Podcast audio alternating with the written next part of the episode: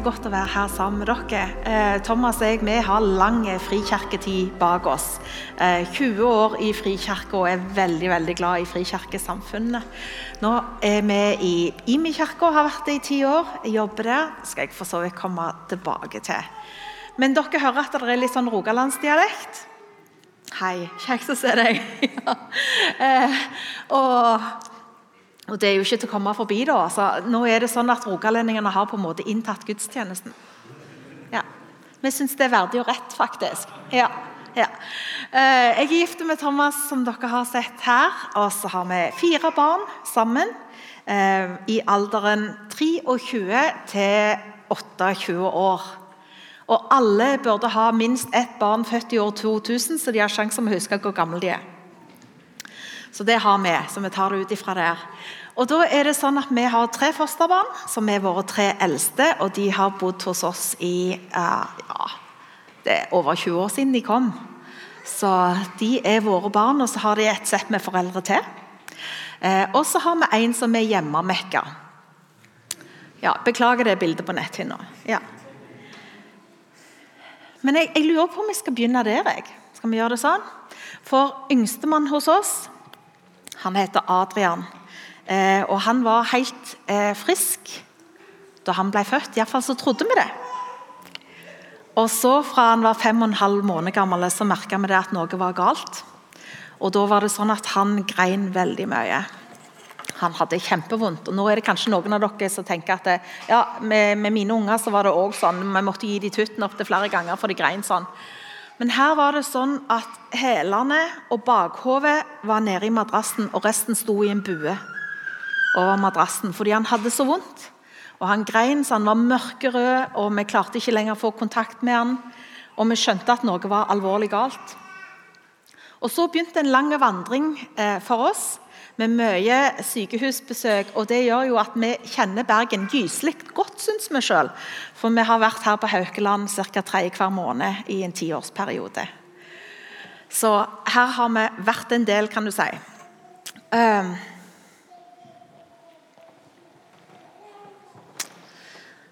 Etter hvert som han hadde vært eh, til utredning over lang tid, flere sykehus og i flere land, så kom de fram til at han ikke kunne fordøye mat.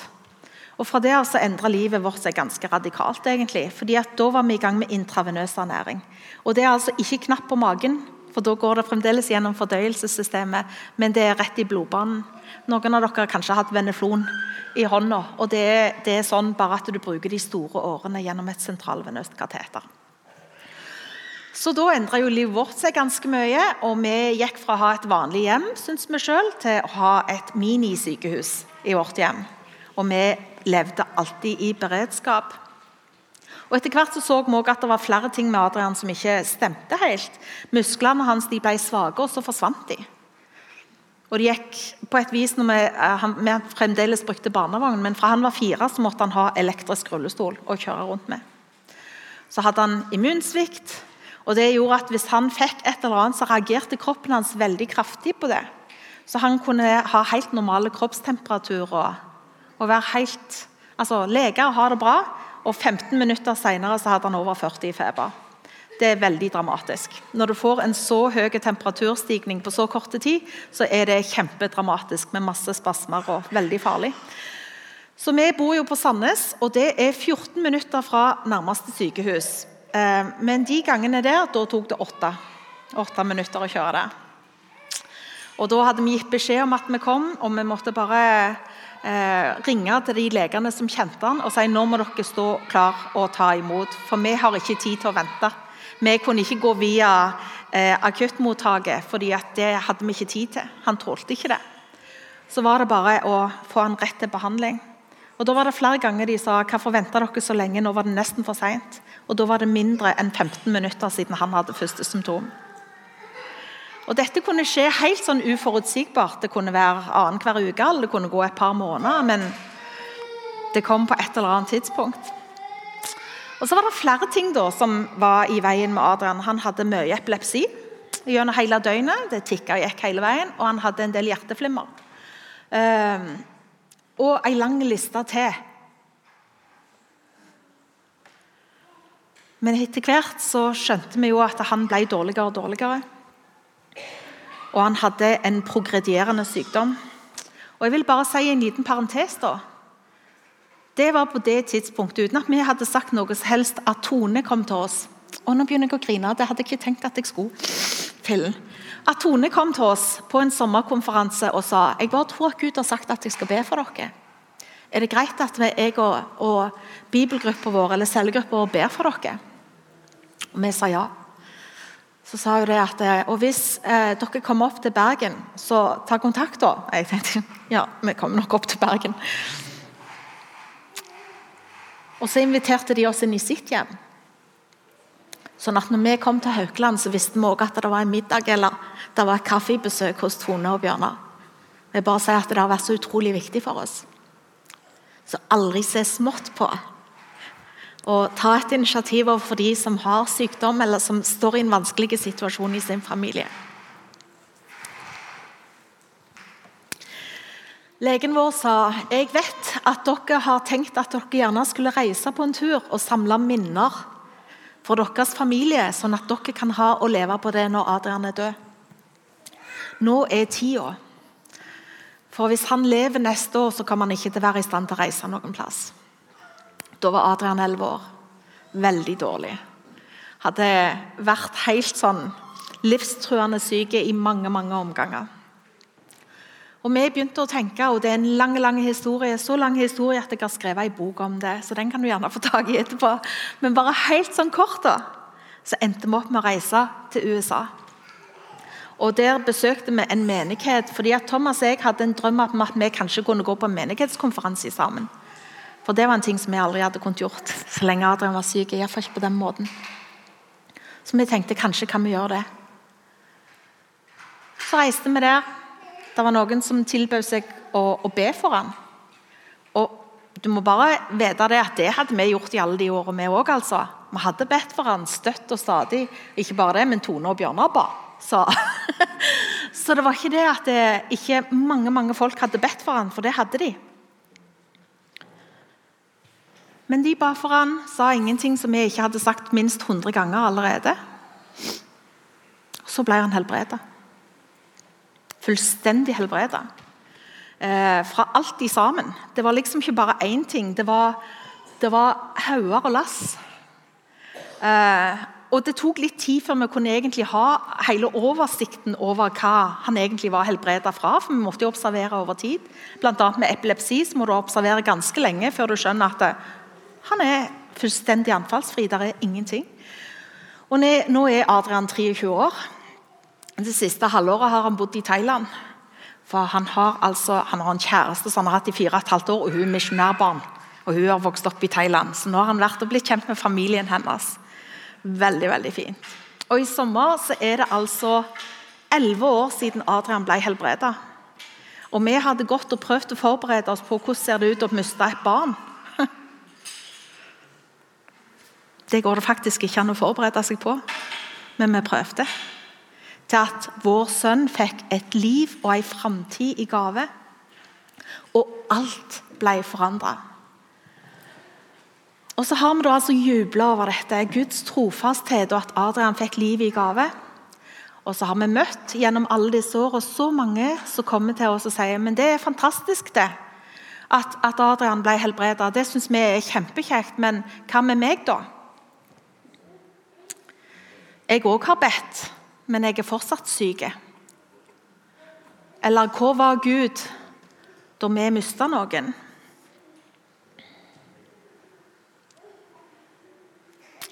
Og jeg vil bare si Selv om vi opplevde et sånn grensesprengende under, så er det ikke sånn at vi har vært fritatt fra alle mulige problemer etterpå. Det har vi ikke. Ingen er det.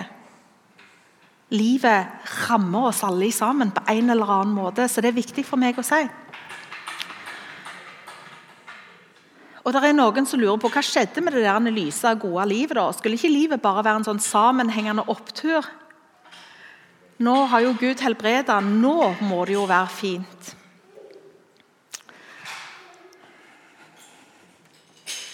Hva skjer når vi egentlig opplever vanskelige ting i livet? Hva skjer når vi opplever sykdom? hva skjer når vi opplever smerte og skuffelse? Tap og nederlag? Hva skjer da? Hvor er Gud da? Har han satt deg på pause? Meldt seg ut?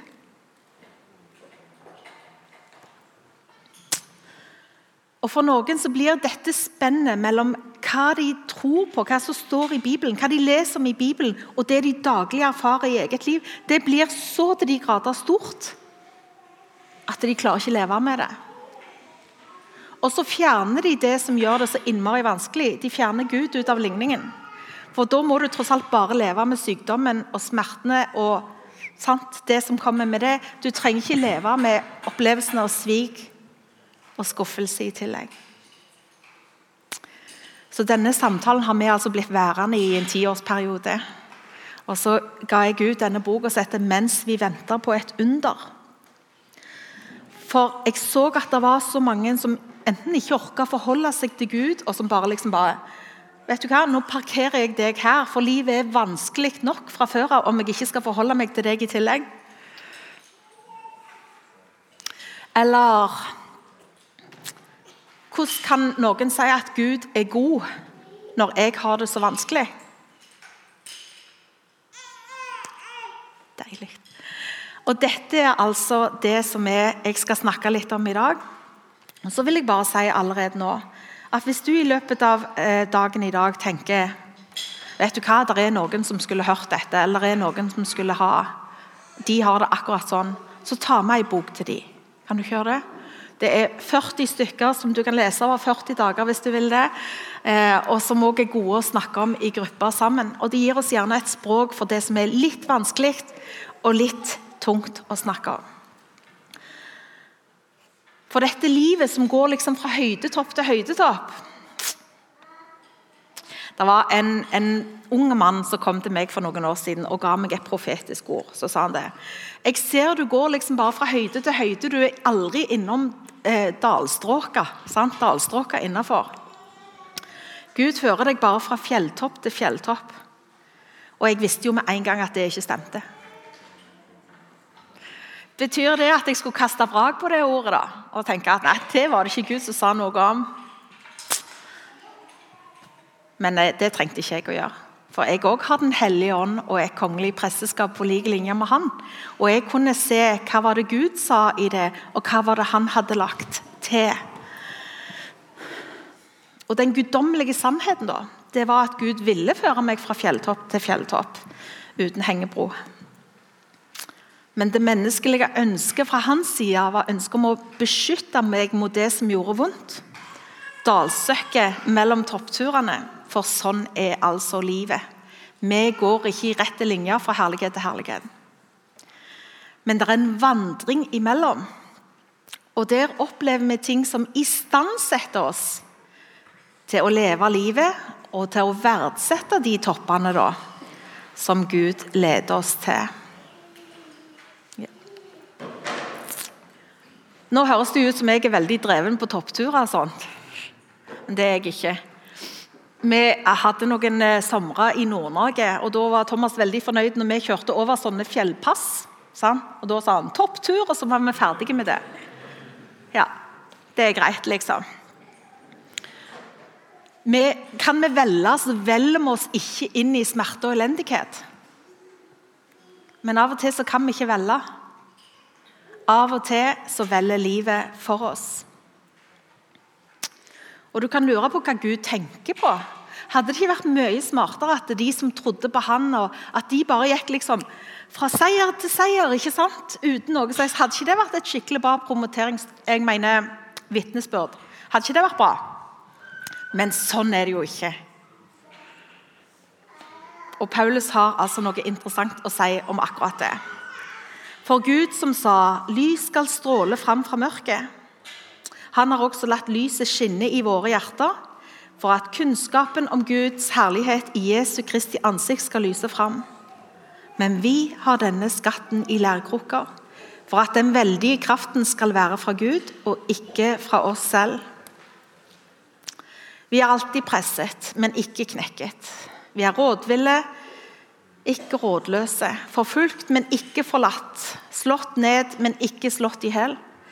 Vi bærer alltid Jesu død med oss i vår egen kropp, for at også Jesu liv skal bli synlig i den. Opp med hånda alle de som har det som sitt favorittord. Ingen? Nei? Det er jo gjerne sånn.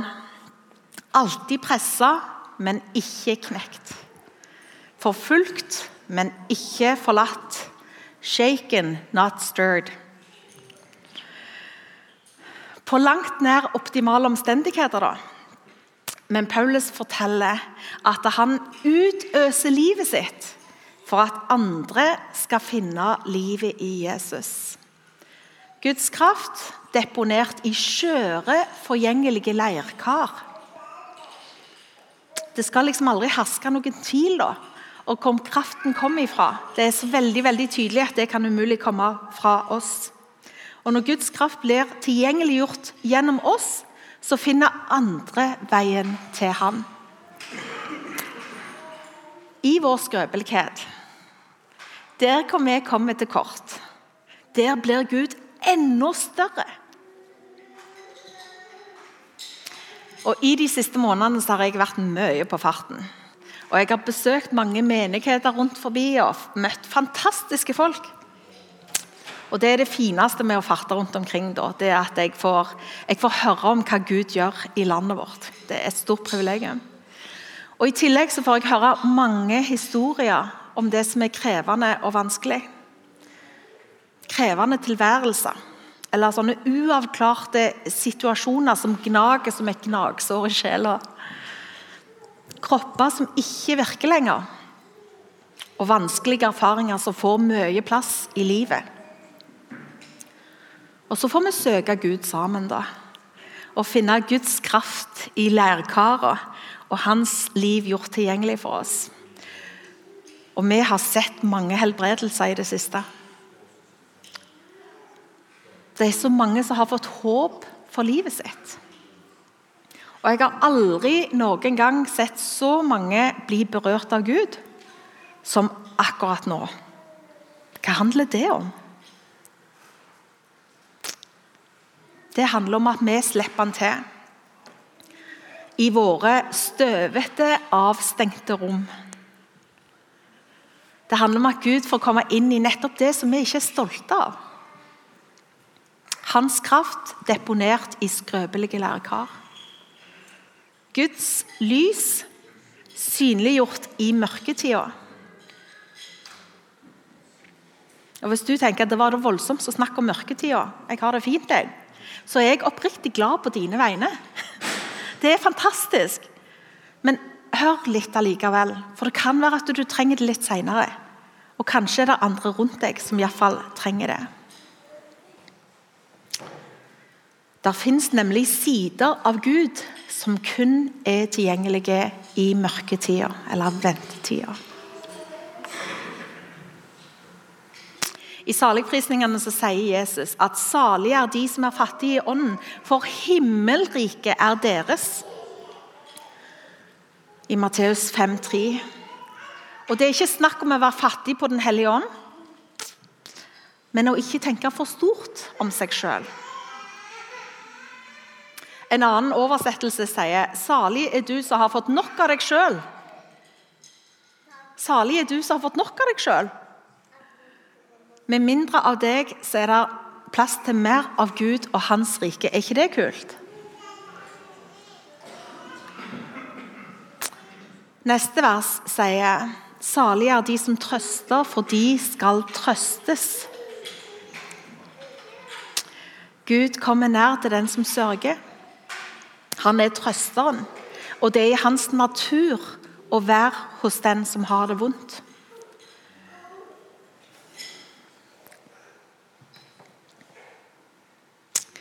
Vi har en, eh, en, tradisjon hjemme hos oss. Tidligere studenter fra Akta bibelskole de vet det. Um, det er sånn at I familien vår så um, hver jul så velger vi én ting som har skjedd gjennom året som har gått. Og så får vi lagd et ornament som symboliserer akkurat det. Et juleornament. Og Det er det som vi henger på treet på julaften for å minne oss om hva Gud har gjort for oss. Og Det har vi gjort i over 20 år. Og det treet nå der blir mindre og mindre kuler, og så blir det mer og mer et alter for hva Gud har gjort hos oss, i familien vår, og hva vi er takknemlige for. Så er det sånn at Ett år hadde vi det grusomt vondt. Hadde det helt forferdelig vondt. Jeg grein hver dag. For vi opplevde ting som var veldig, veldig vanskelige. Og når vi skulle snakke om hva, hva var det vi var mest takknemlige for hva Gud hadde gjort, så visste vi ikke hva vi skulle si. Men da holdt vi fast på hvem Gud er, og hvem han vil være for oss. For midt oppi all vår elendighet da, så sto det fast, det som står i Jesaja 57, 15. Så sier Han som er høy og opphøyd, Han som troner evig, den hellige er Hans navn. I det høye og hellige bor jeg, og hos den som er knust og nedbøyd i ånden. Jeg vil gi ånden liv hos dem som er bøyd, og gi hjertet liv hos dem som er knust. Og Det var det vi hengte opp på treet et bilde av et knust hjerte. Og et helt hjerte som steg opp over det knuste. Og Sånn profeterte vi òg inn i eget liv. Vi holdt fast på det som var sant, godt og rett, sjøl når vi ikke kunne se det. Og Vi erfarte òg at Gud var så nær i vår mørke natt.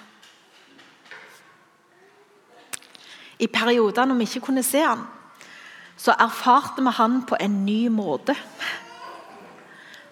Nesten fysisk. Hans nærvær omslutta oss på en sånn måte som vi ellers aldri har opplevd. Og Vi hadde med opplevelser med Gud som er prega inn i sjela. Og ett år seinere så erfarte vi at Gud helbreda våre sønderknuste hjerter og ga oss liv. Hadde vi valgt mørketida hvis vi kunne unngå det? Blankt nei. Det hadde vi ikke. Igjen, Vi velger oss ikke frivillig inn i smerte og elendighet. Men når vi nå vet hvordan Gud møtte oss i den tida, ville vi da ha vært det foruten? Fortsatt blankt nei. Vi ville aldri ha vært uten de erfaringene som vi gjorde oss med Gud. For nå vet vi at den Gud som viser seg i lyset, han holder òg når livet er mørkt. Går det greit med dere? Dere er veldig stille. Går det greit? Ok. Jeg møter en del mennesker som sier at Gud er god fordi livet er godt. Da blir jeg litt mistenksom. Jeg må alltid spørre litt ekstra. da. Er det sånn at livet er godt fordi Gud er god? Da kan jeg være med på det. sant? Kan være med på tanken. Men hvis resonnementet er jeg har et godt og ukomplisert liv, ergo er Gud god, da har jeg et problem. For det er ikke sånn at Gud har lovt deg et ukomplisert liv. Tvert imot, du er garantert å bli pressa, men ikke knekka. Forfulgt, men ikke forlatt sjeiken. Du vet hva jeg mener? Ja. Guds løfte til deg er at han skal gå med deg uansett hva du går gjennom. Betyr det at vi ikke skal be til Gud om et under? At hans guddommelige inngripen skal være til stede i vårt liv? Eh, nei, det betyr det ikke. Det er etter Guds vilje at vi søker Han. Og Du må bare ikke tro at du er mer høyhellig i din tro om du lider i stillhet. For det er ikke sånn det virker. Gud har sagt, 'Kom, kom til meg. Jeg er en god far.' Og På samme måte som vi vil trøste våre barn hvis de kommer med et oppskrapt kne, hvor mye mer skal ikke Gud trøste oss? Nå må jeg ha det vondt og vanskelig. Begynner det å danne seg et bilde nå? Det er altså sider av Gud som du ikke får tak i andre ganger. Du møter faktisk ikke trøsteren med mindre du trenger trøst. Er ikke det kjipt? Ja. Men Gud er vår far, Og ikke si fra deg det privilegiet som det er å komme til far med alle ting. Han tar imot alle tårene dine og samler de i sin flaske, står det i Salme 56, 9. Og Gud er den som gir ånden liv, og som helbreder et knust hjerte. Gud har skatter og rikdommer som du kun kan oppdage i mørketida. Jesaja 45,3 så står det «Jeg gir deg skatter som er skjult i mørket, og rikdommer gjemt på hemmelige steder, for at du skal kjenne at jeg er Herren, som kaller deg ved navn, Israels Gud. Det er når du har fått nok av deg sjøl, at det er plass for mer av Gud og Hans rike. Mørketid er ventetid, og ventetida er meint å ha et innhold og en retning.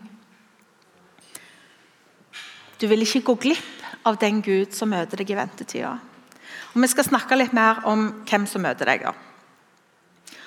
Og igjen, Hvis du ikke er inne i den sesongen akkurat nå, halleluja, fantastisk, gleder meg på dine vegne. Men det kan være at det er noen rundt deg som er det, og det kan være at du gjerne trenger dette på et annet tidspunkt.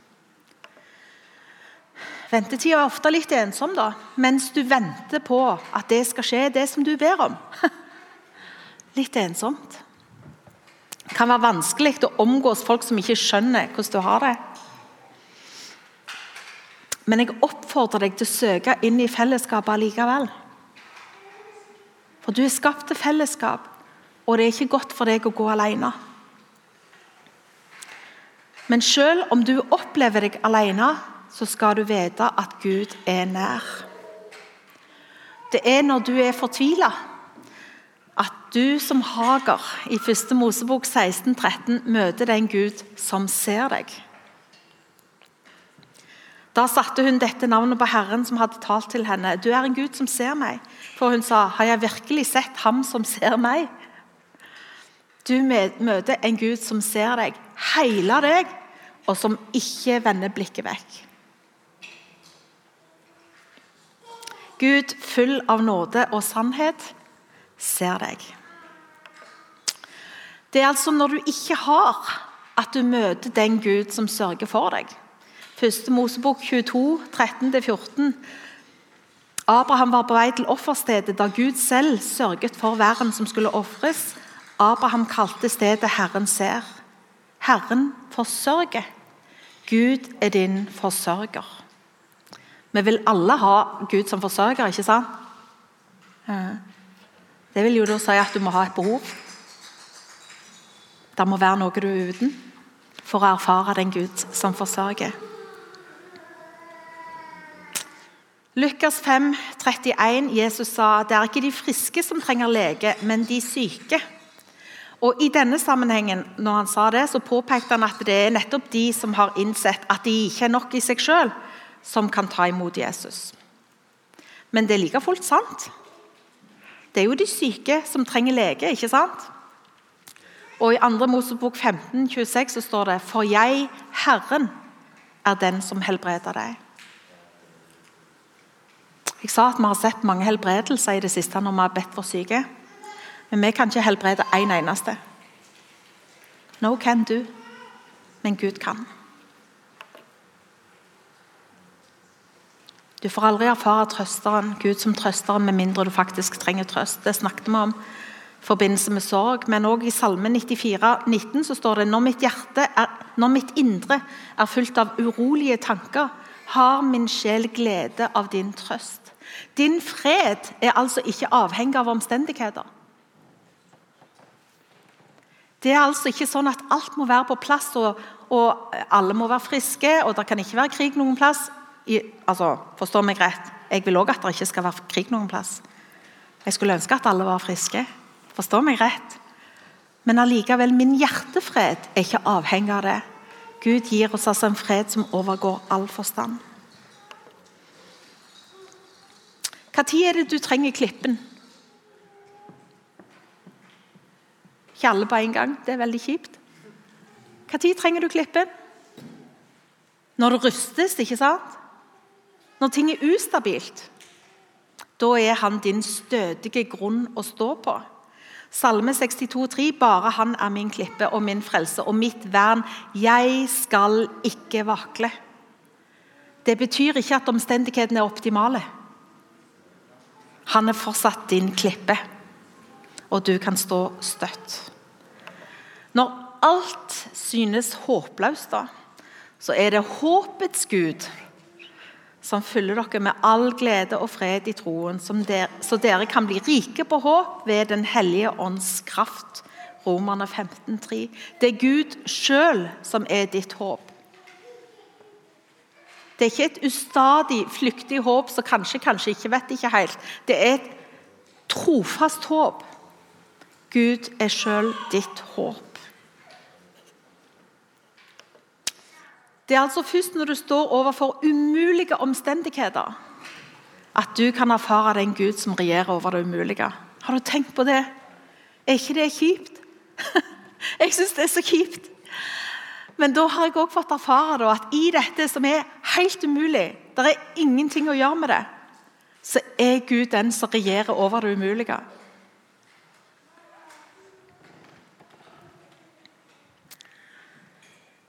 Matteus 19,26, Jesus så på dem og sa for mennesker er dette umulig, men for Gud er alt mulig. Superirriterende at du faktisk må oppleve noe som er vanskelig. Noe håpløst, noe som ikke lar seg løse. Før du kan møte den Gud som regjerer over det umulige. Er du sliten? Tom? Gud er, den som gir den, eh, Gud er den som gir styrke til den som er svak. Og I Jesaja 40, 29 så står det Han gir den trette kraft, og den som ikke har krefter, gir han stor styrke.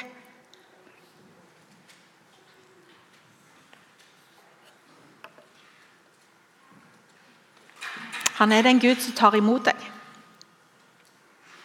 Kast all deres bekymring for Han, på ham fordi han har omsorg for dere. 1. Peter 5, 7. Hvordan ligger det an med kastearmen din?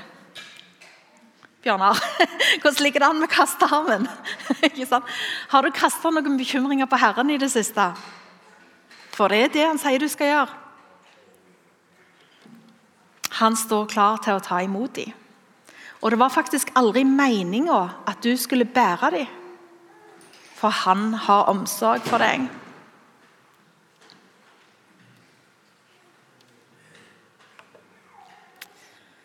Gud omtales også som et skjold mot farer. Og Det antyder jo da kanskje at det er noen farer. Hva tenker dere om det? Det er jo gjerne det, sant?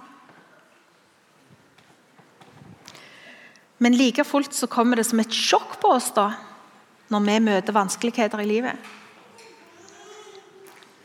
I møte med vanskeligheter så er han ditt skjold, ditt vern, ditt tilfluktssted.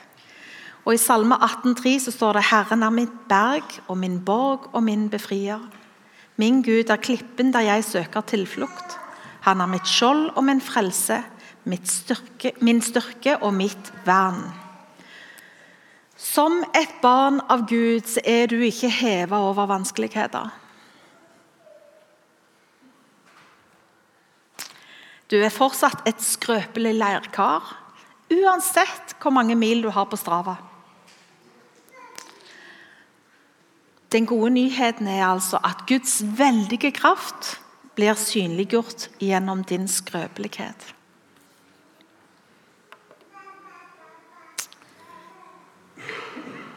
Gud min glede. Hmm. Det er en del folk som sier ja, når jeg bare blir frisk, da skal jeg gjøre det. Eller når barnet mitt blir frisk, da. Eller når jeg bare eh, opplever det og det, da. Da kan jeg stole på at Gud er god. Da. Og så går en altså glipp av dette. Med hvordan Gud møter oss i denne tida her. Når vi ikke lenger er nok i oss sjøl, kan vi glede oss over hvem Han er. Og Nehemia 8,10 sier altså gleden i Herre er deres styrke. Det er Han som gir fred, det er Han som gir styrke, det er Han som gir varig glede. Begynn å danne seg et bilde? Nei? Jo? Ja.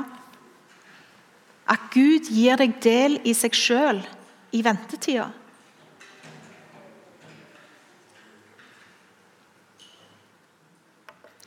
Og Guds fred, som overgår all forstand, skal bevare deres hjerter og tanker i Kristus Jesus.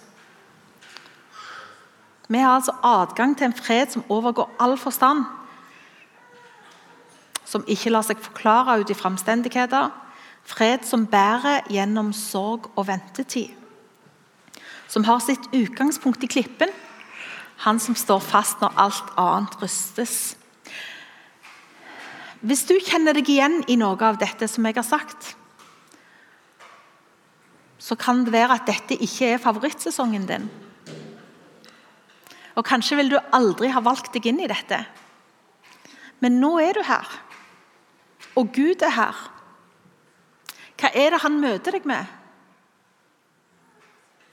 Hva er det du har tilgang til akkurat nå, fordi du er her i denne sesongen her? Når livet er lyst og lett og alt er bare bra, ja, så har du ikke adgang til trøsteren på samme måte. Du har ikke adgang til helbrederen når du er frisk, for du trenger det ikke.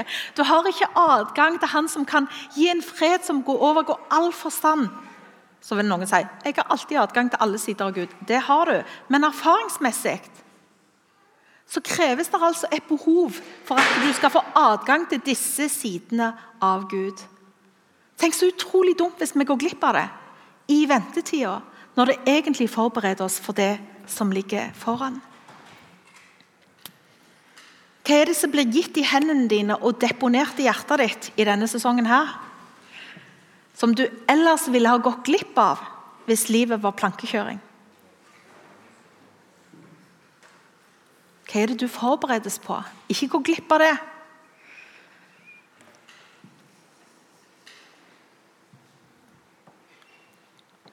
Jeg sa at vi har vært mye på veien. Eh, vi var eh, Først reiste vi rundt omkring i Norge fra oktober til midt i februar. og Så har vi reist i USA og Mexico fra midt i februar til begynnelsen av mai. Så vi har vært mye på farten, og vi har møtt mange folk i forskjellige livssituasjoner. Og vi har forkynt akkurat dette. Og så kommer folk. Med sine sår og nederlag og ubesvarte spørsmål og anklager til Gud. Og så legger de ned med han. Legger det ned for beina hans. Og så skjer det ting. For Gud kan ikke holde seg vekke fra den som har det vondt. Så det har jeg lyst til vi skal bare be inn i akkurat nå. Kan vi gjøre det? Og så er det sånn at jeg, jeg, Av og til så må jeg bare stoppe opp og lytte litt. Så hvis jeg blir stille, så går det helt fint, folkens. Jeg må bare høre litt hva Gud sier, og hva han vil gjøre. Far, takk for at det er sånn som du sier om deg sjøl. Salme 119, 68, at du er god, og du gjør godt. Og det er vår bekjennelse. At du er god, og du gjør godt. Og Selv når vi ikke ser det eller erfarer det i eget liv, så kan vi stole på at du er den som du sier at du er. Og far Takker deg fordi du er her. Takker deg fordi at du, eh, du Jesus, du har betalt hele prisen for oss. Og vi får gå med deg alltid. Og Jeg takker deg fordi at Helligånd rører ved folk og forteller hva han vil gjøre.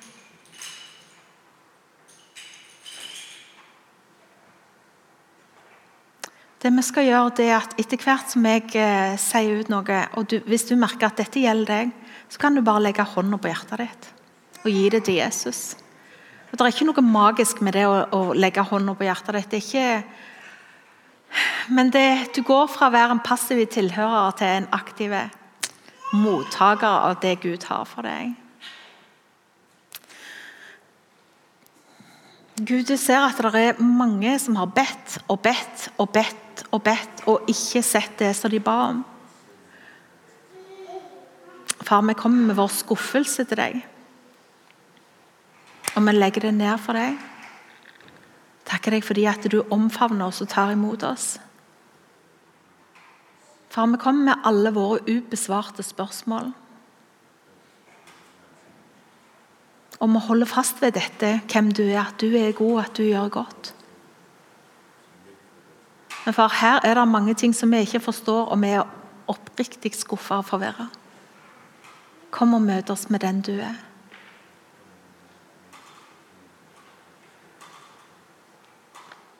Far, så er det alle, alle de som har opplevd sykdom eller plager over lang lang tid, og som har mista håpet. Takk at du er vårt håp. Takk at du kommer og rører ved oss.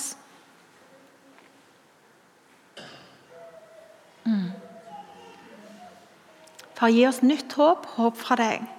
La oss få se både oss og omstendighetene våre sånn som du ser dem.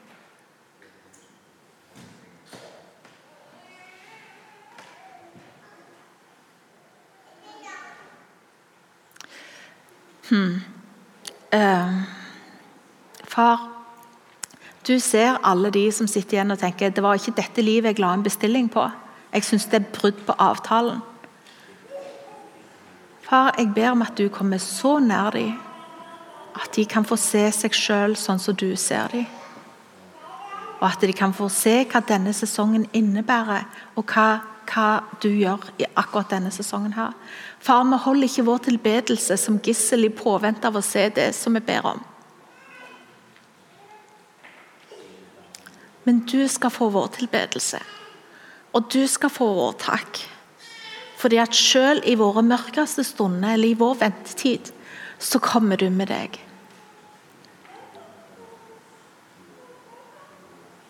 Du er så verdt vår tilbedelse. Far, hvis vi har holdt vår tilbedelse som gissel, så vender vi oss vekk fra det. Takk, Jesus. Takk, Jesus.